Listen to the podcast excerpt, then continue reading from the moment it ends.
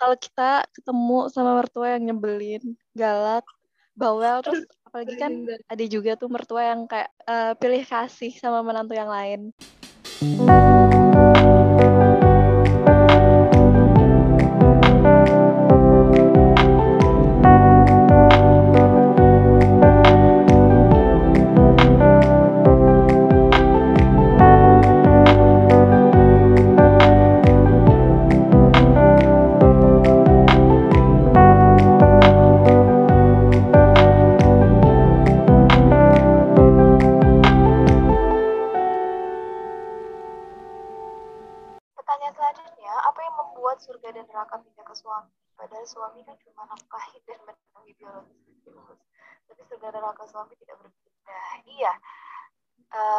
sudah ada ya di materi bahwasanya jika ada uh, seorang perempuan yang ketika sudah menikah maka dia ketaatannya itu setelah kepada Allah dan Rasulnya adalah, adalah ketaatan kepada suaminya. Itu merupakan perintah Allah langsung kepada para istri.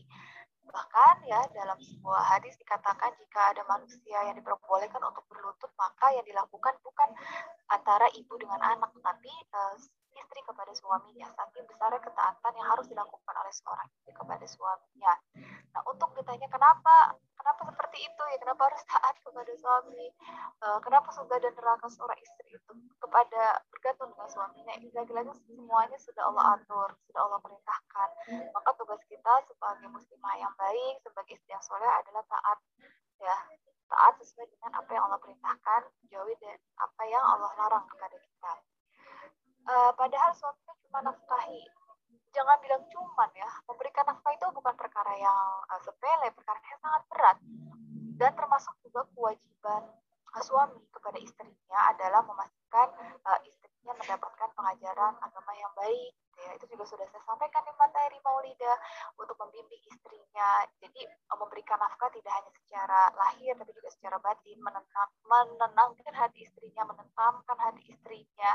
Senantiasa membersamai istrinya dan menjadi pendamping yang baik menjadi pendengar yang baik ya. Maka bukan hanya cuman tapi kewajiban yang sangat berat sekali pertanggungjawabannya.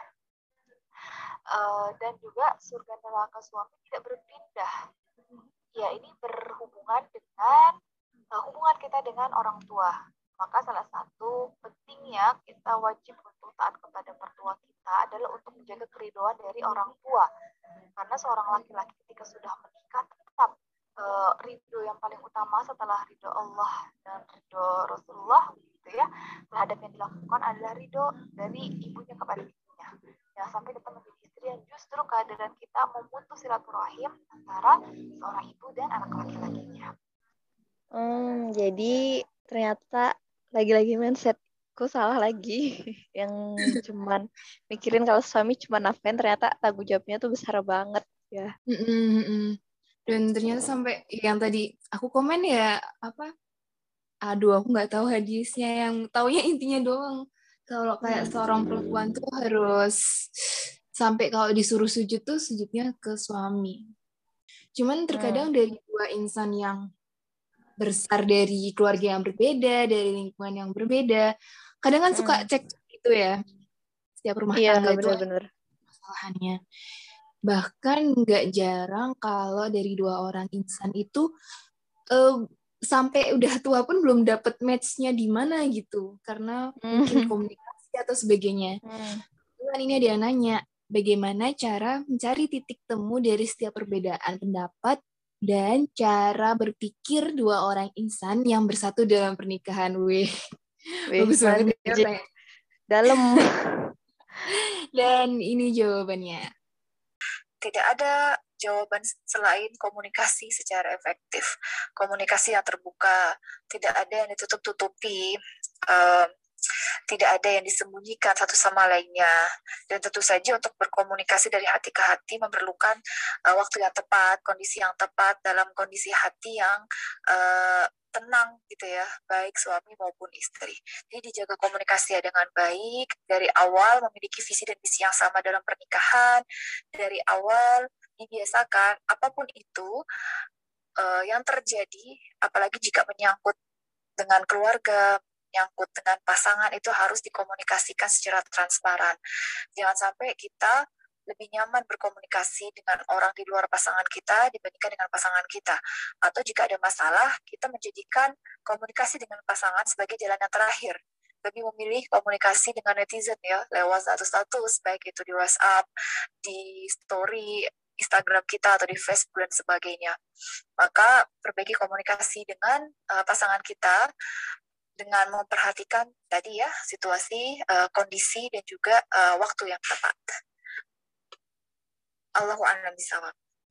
Jadi relate ya sama pertanyaan sebelumnya yang tadi hmm. masalah hmm. medsos medsos gitu. Iya ya benar-benar yang curhat di sosmed. Jadi kuncinya berarti emang benar-benar komunikasi. Uh -uh, kunci. Nah, ini nih apa tuh uh, sering dengar kan uh, program dari pemerintah yang dua anak cukup itu. Uh, uh, nah ini ada yang nanya nih, terus uh, gimana nih prioritasin mana uh, uh, program dari pemerintah yang dua anak cukup atau yang uh, apa tuh Nabi kan pernah bilang tuh kalau bangga sama umat yang punya banyak anak. Semakin banyak semakin beliau bangga gitu kan ya? Iya, benar. Nah, itu prioritasin yang mana gitu? Yang programnya dari pemerintah kah atau kan pemerintah kan masuk ulil amri kan ya, Mbak ya? Uh, tapi nah, kalau kamu kan pribadi dipatuhin kan?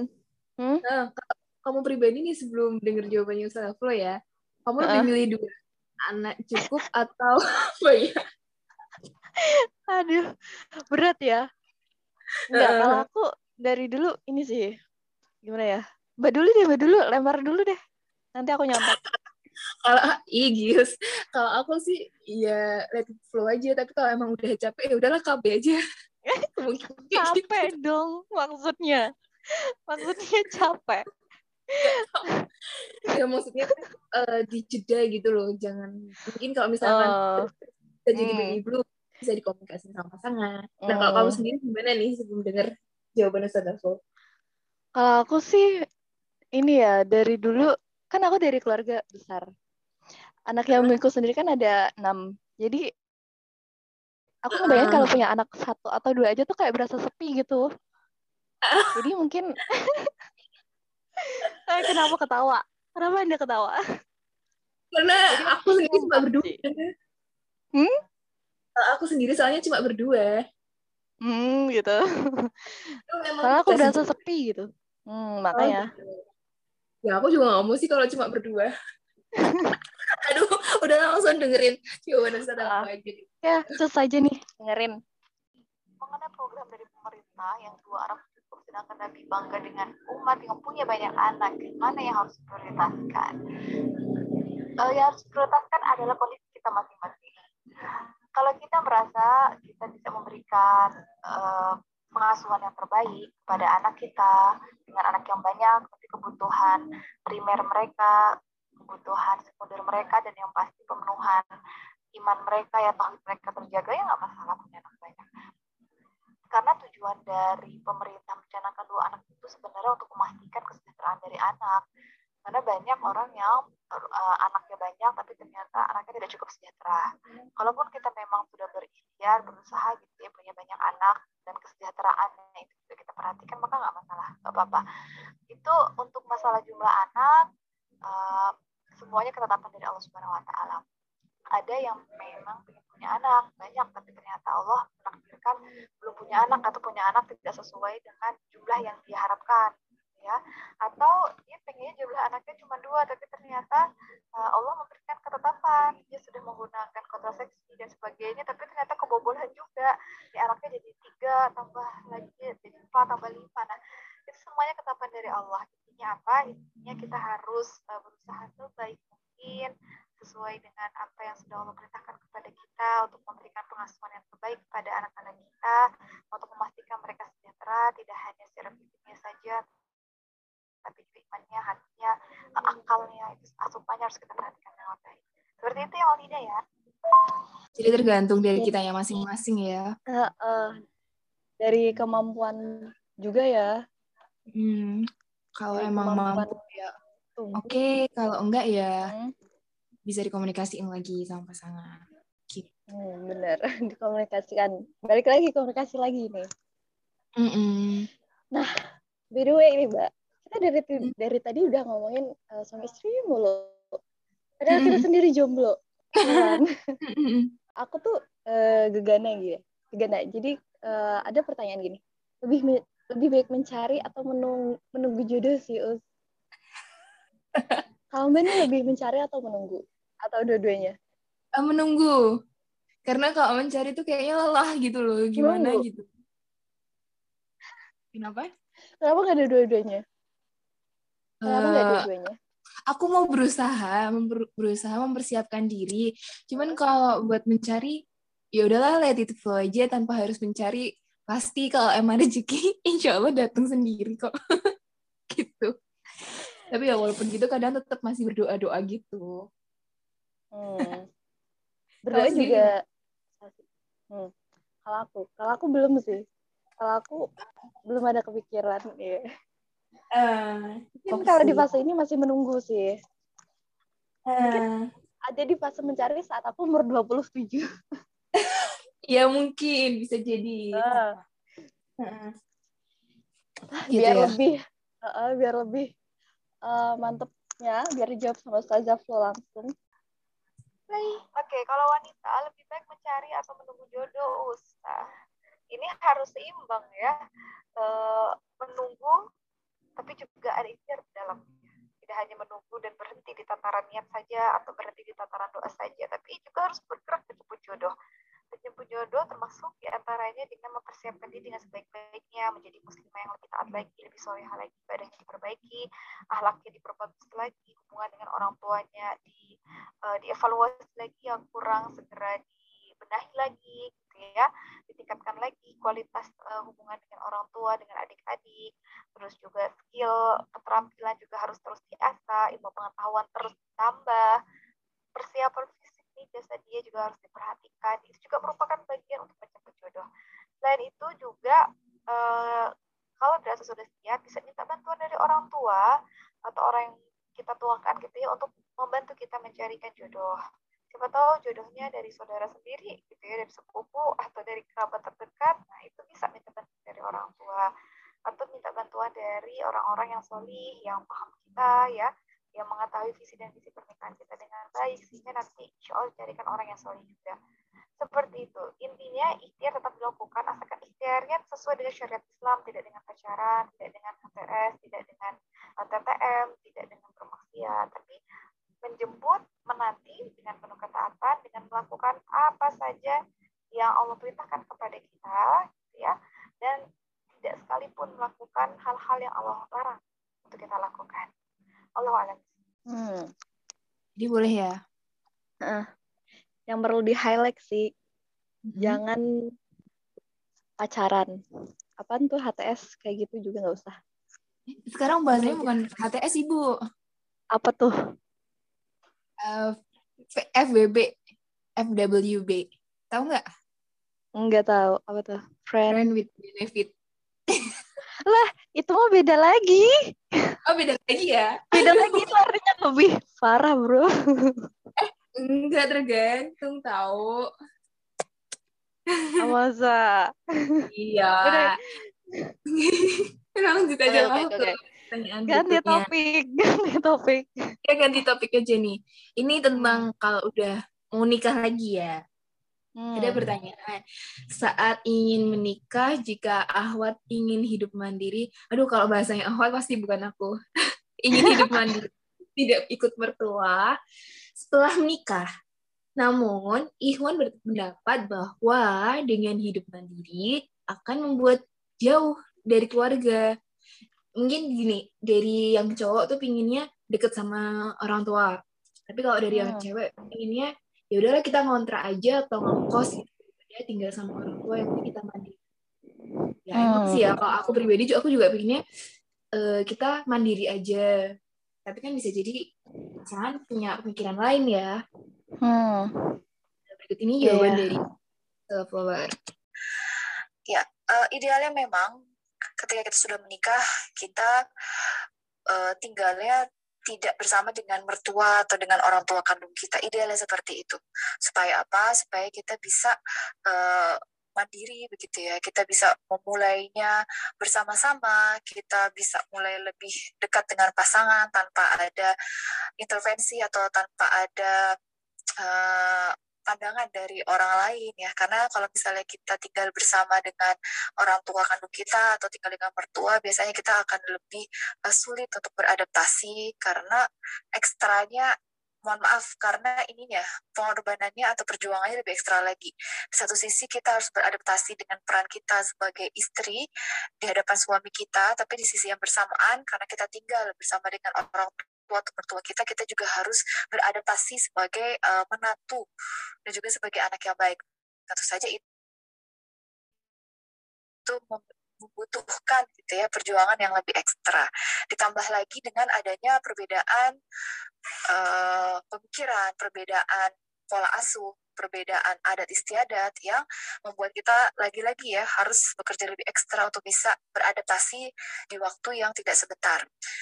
Maka uh, bagi teman-teman yang belum menikah dan memiliki pandangan atau pemikiran ingin lepas tinggal baik bersama dengan orang tua dan mertua, maka hal ini saran saya bisa dijadikan bahan diskusi ketika teman-teman melakukan ta'aruf nanti dengan uh, seseorang ya, dengan uh, seorang ikhwan gitu.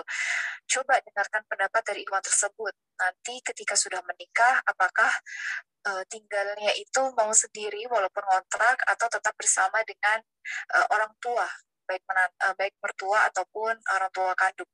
Kalian bisa mendengarkan pendapat dari ikhwan tersebut dan jika memang pendapatnya dirasa sesuai dengan apa yang kalian yakini, maka bisa menjadikan bahan bisa dijadikan bahan pertimbangan untuk menerimanya. Atau jika memang kurang sesuai, maka bisa dijadikan bahan pertimbangan untuk berpikir ke depan baik itu seperti apa. Intinya seperti itu ya. Uh, tapi kalaupun kejadian ini ternyata baru terungkap ya atau baru terjadi setelah menikah yang tadinya awal nikah atau saat ta'aruf keduanya sepakat untuk kontrak gitu ya tidak tinggal bersama mertua atau orang tua kandung tapi ternyata kodarullah setelah menikah kondisi yang membuat uh, kita untuk sementara waktu harus tinggal bersama dengan mertua atau orang tua kandung, maka coba dilihat sisi positifnya. Bisa jadi ini merupakan uh, bentuk birrul walidain atau bakti kita kepada mertua atau orang tua yang bisa kita lakukan saat ini.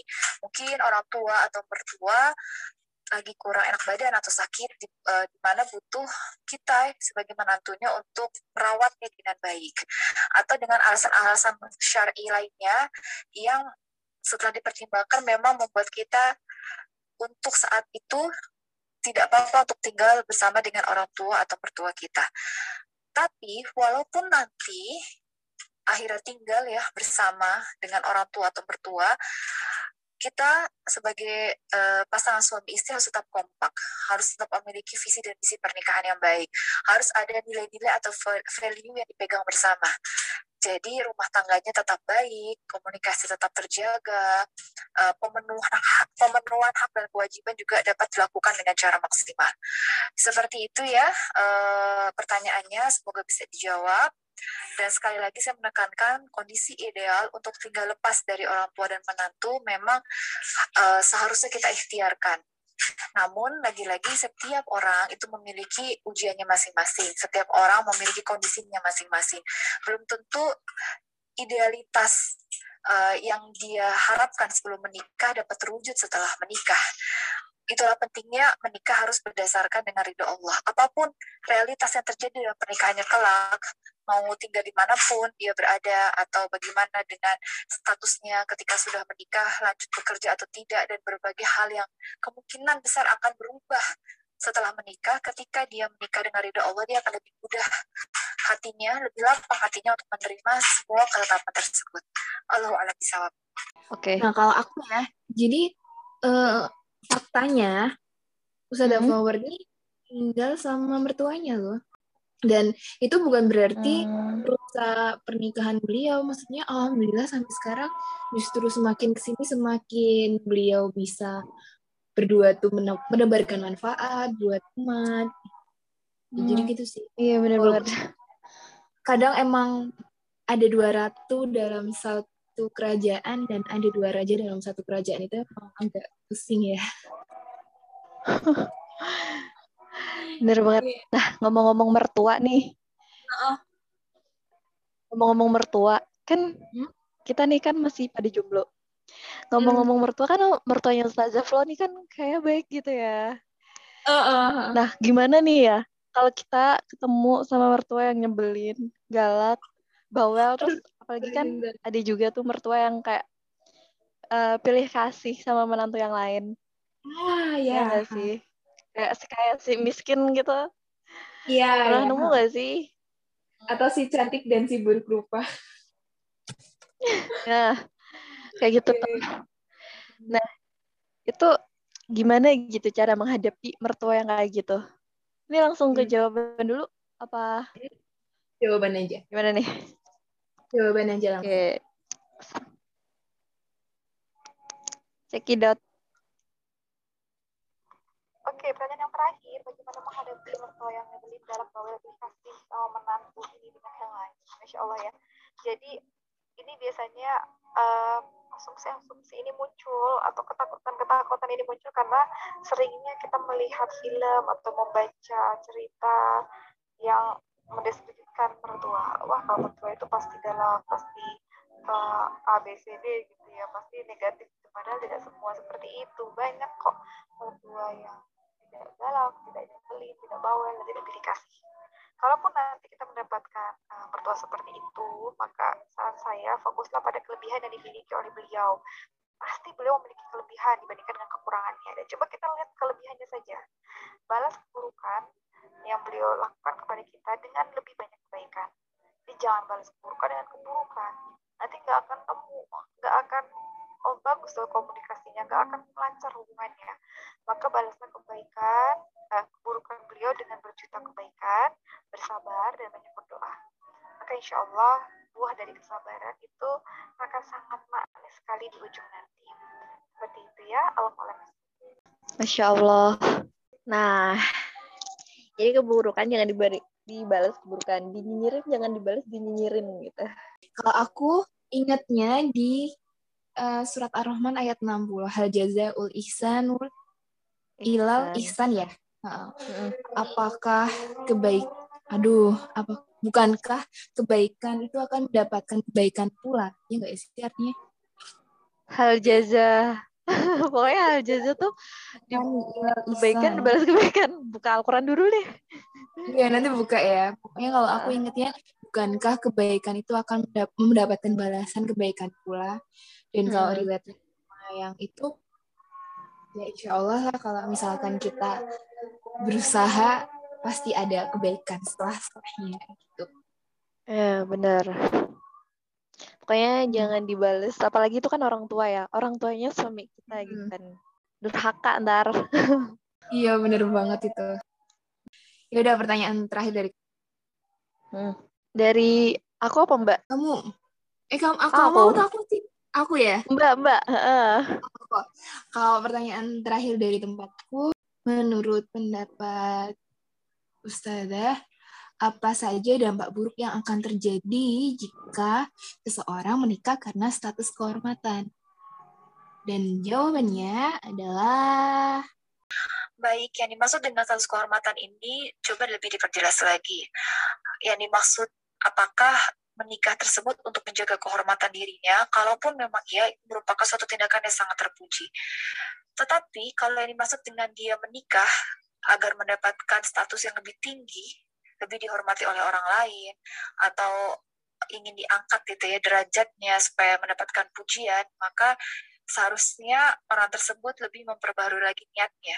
Niat menikah itu bukan hanya berhenti sampai diangkatnya status dirinya. Dari yang tadinya belum menikah menjadi sudah menikah. Dari yang tadinya mungkin ya mohon maaf penghasilannya tidak sebegitu besar, tapi kadarullah mendapatkan jodoh yang penghasilan lebih besar sehingga otomatis status uh, sosialnya dalam artian status ekonominya yang lebih terangkat gitu ya. Atau dia menikah dengan seseorang yang nasabnya uh, lebih terkenal ya terpandang dibandingkan dengan keluarganya maka dia dengan mengharapkan menikah dengan orang yang nasabnya lebih tinggi dari dirinya itu akan mengangkat status kehormatannya. Nah itu harus diingat lagi bahwa seseorang itu menikah bukan karena fisiknya bukan karena hartanya bukan karena nasabnya tapi karena akhlaknya Maka kalau dia lagi-lagi menikah karena status kehormatan, dalam artian karena tertarik dengan fisiknya saja, atau karena tertarik dengan hartanya saja, atau karena tertarik dengan nasabnya saja, atau uh, pengaruh dari orang tersebut saja, maka pernikahannya belum sesuai atau uh, harus diluruskan lagi karena pernikahan sejatinya tidak hanya menyangkut harta, tidak hanya menyangkut uh, nasab dan tidak hanya menyangkut fisik saja. Mungkin nanti pertanyaan bisa lebih diperjelas ya status kehormatan yang dimaksud itu status seperti apa. Allah a'lam. Uh, aku sendiri nggak nggak sih ya si penanya tuh maksudnya yang kehormatan emang benar-benar buat jaga diri atau buat ke arah biar dia tuh bisa dapat keluarga terpandang atau gimana. Cuman uh, aku tuh pernah ikut kajiannya Ustadz Abdul Tuasika waktu hmm. sebelum pandemi. Jadi itu kata beliau ketika seseorang ingin menikah karena kehormatan agar dia itu mendapatkan status maksudnya yang lebih tinggi dia lebih terpandang hmm. dia lebih derajat ya itu akan jadi ujian buat dia dia bakal dihinakan hmm. aku sendiri aku udah pernah lihat ya beberapa orang yang dia tuh pengennya nikah tuh iya aku pengen nikah sama ini aja uh, biar aku tuh juga ikut terpandang dan kedarulah mereka hmm. menikah tapi akhirnya orang hmm. itu yang niatnya tadi karena status kehormatan justru hmm. malah disediakan keluarganya hmm ya, ya pernah dengar juga sih lain lagi cerita karena kecantikan tapi ternyata hmm. kecantikan atau kegantengannya itu justru waktu pas menikah jadi ujian entah mukanya kenapa lah atau gimana. Hmm. Itu pun juga kekayaan. Katanya dulu ada salah seorang sahabat yang akhirnya kan awalnya karena kekayaan, akhirnya hmm. semua kekayaannya itu justru menjadi ujian baginya. Masya Allah banget. Iya ya, yang yang ini sih yang kehormatan buat naik derajat itu loh. Soalnya kan karena hmm. salah satunya lebih kaya pasti kan kayak ngerasa gua, lu kaya karena gua kaya gitu. Pasti mikir salah satunya kayak gitu tuh. Oh, oh bener lagi berantem, ya kan? Lu hmm. kaya karena gue kaya gitu. Pasti kalau berantem kan kayak gitu yang diungkit. Mak mertua. Hmm.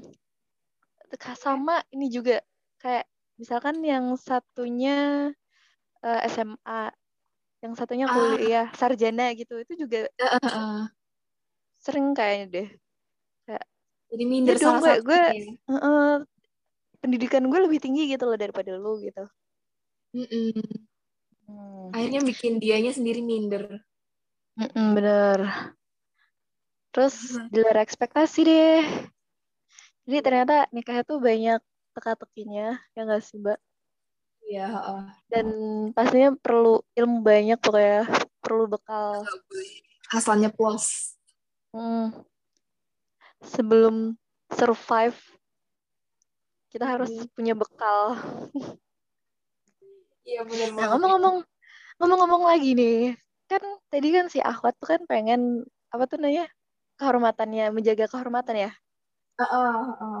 Nah, dia sebenarnya udah tahu belum sih kalau dia tuh udah siap apa belum kayak gitu apa ya, sih tanda itu. akhwat yang sudah siap menikah gitu Lo ya, tahu nggak itu kayaknya tergantung masing-masing orang nggak sih kadang standar yang misalkan kita menurut kita itu standar hmm. kita belum bisa diterapkan ke orang aku mikirnya sih gitu nggak tahu sih yeah. ya iya. kalau Iya, sebenarnya juga balik lagi ke orangnya masing-masing sih. Cuman um, penasaran kan sama jawabannya Ustazah Flo tuh kayak gimana? Dengan langsung kita dengerin. Out. Tanda ahwat yang sudah siap menikah apa ya? Apa ya? Setiap orang punya ini masing-masing ya, punya kemantapan hati masing-masing.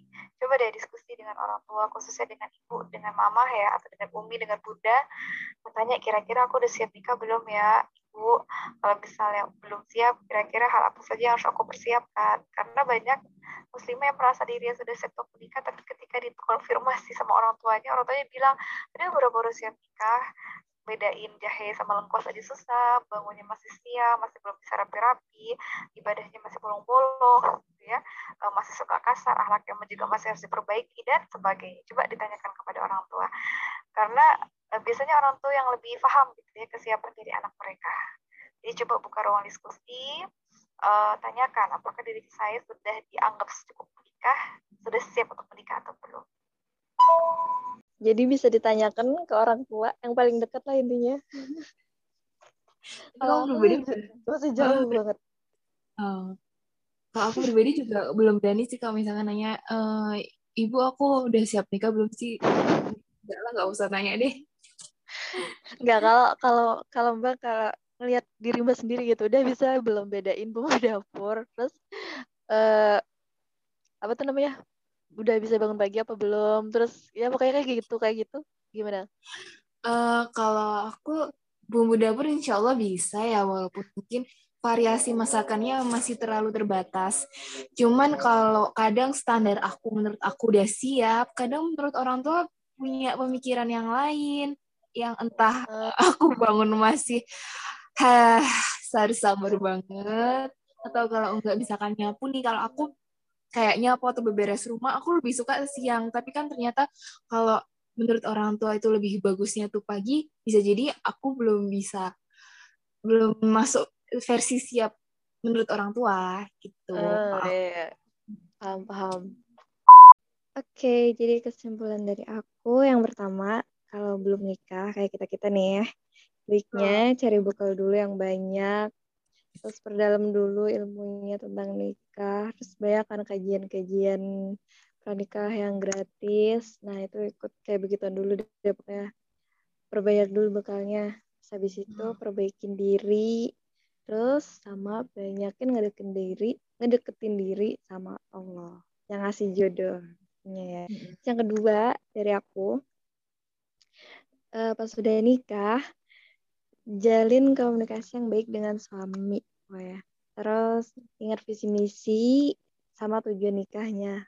Nah ini uh, penting banget ya kalau di, di situasi kayak berantem berantem atau ya pokoknya kayak gitulah konflik nih ingat visi misi sama tujuannya terus terapin ilmu-ilmu yang kita dapat dari kajian-kajian itu tadi gitu kalau mbak Hmm, nikah tuh nggak gampang. Nggak selalunya seindah hmm. drama Korea ataupun India. Ya walaupun di setiap perjalanannya nggak menutup kemungkinan ada adegan umunya. Iya, iya, iya, iya. Yang terpenting, can do the best in every time we are waiting so that kita juga diberi keberkahan di setiap waktu hmm. dan aktivitas dalam penantian itu. Wih. Oke. Okay. Gitu dulu ya. Semoga bisa bermanfaat buat teman-teman semua yang mendengarkan. Amin. Semoga bermanfaat ya teman-teman. Segitu dulu dari duo. Duo apa nih?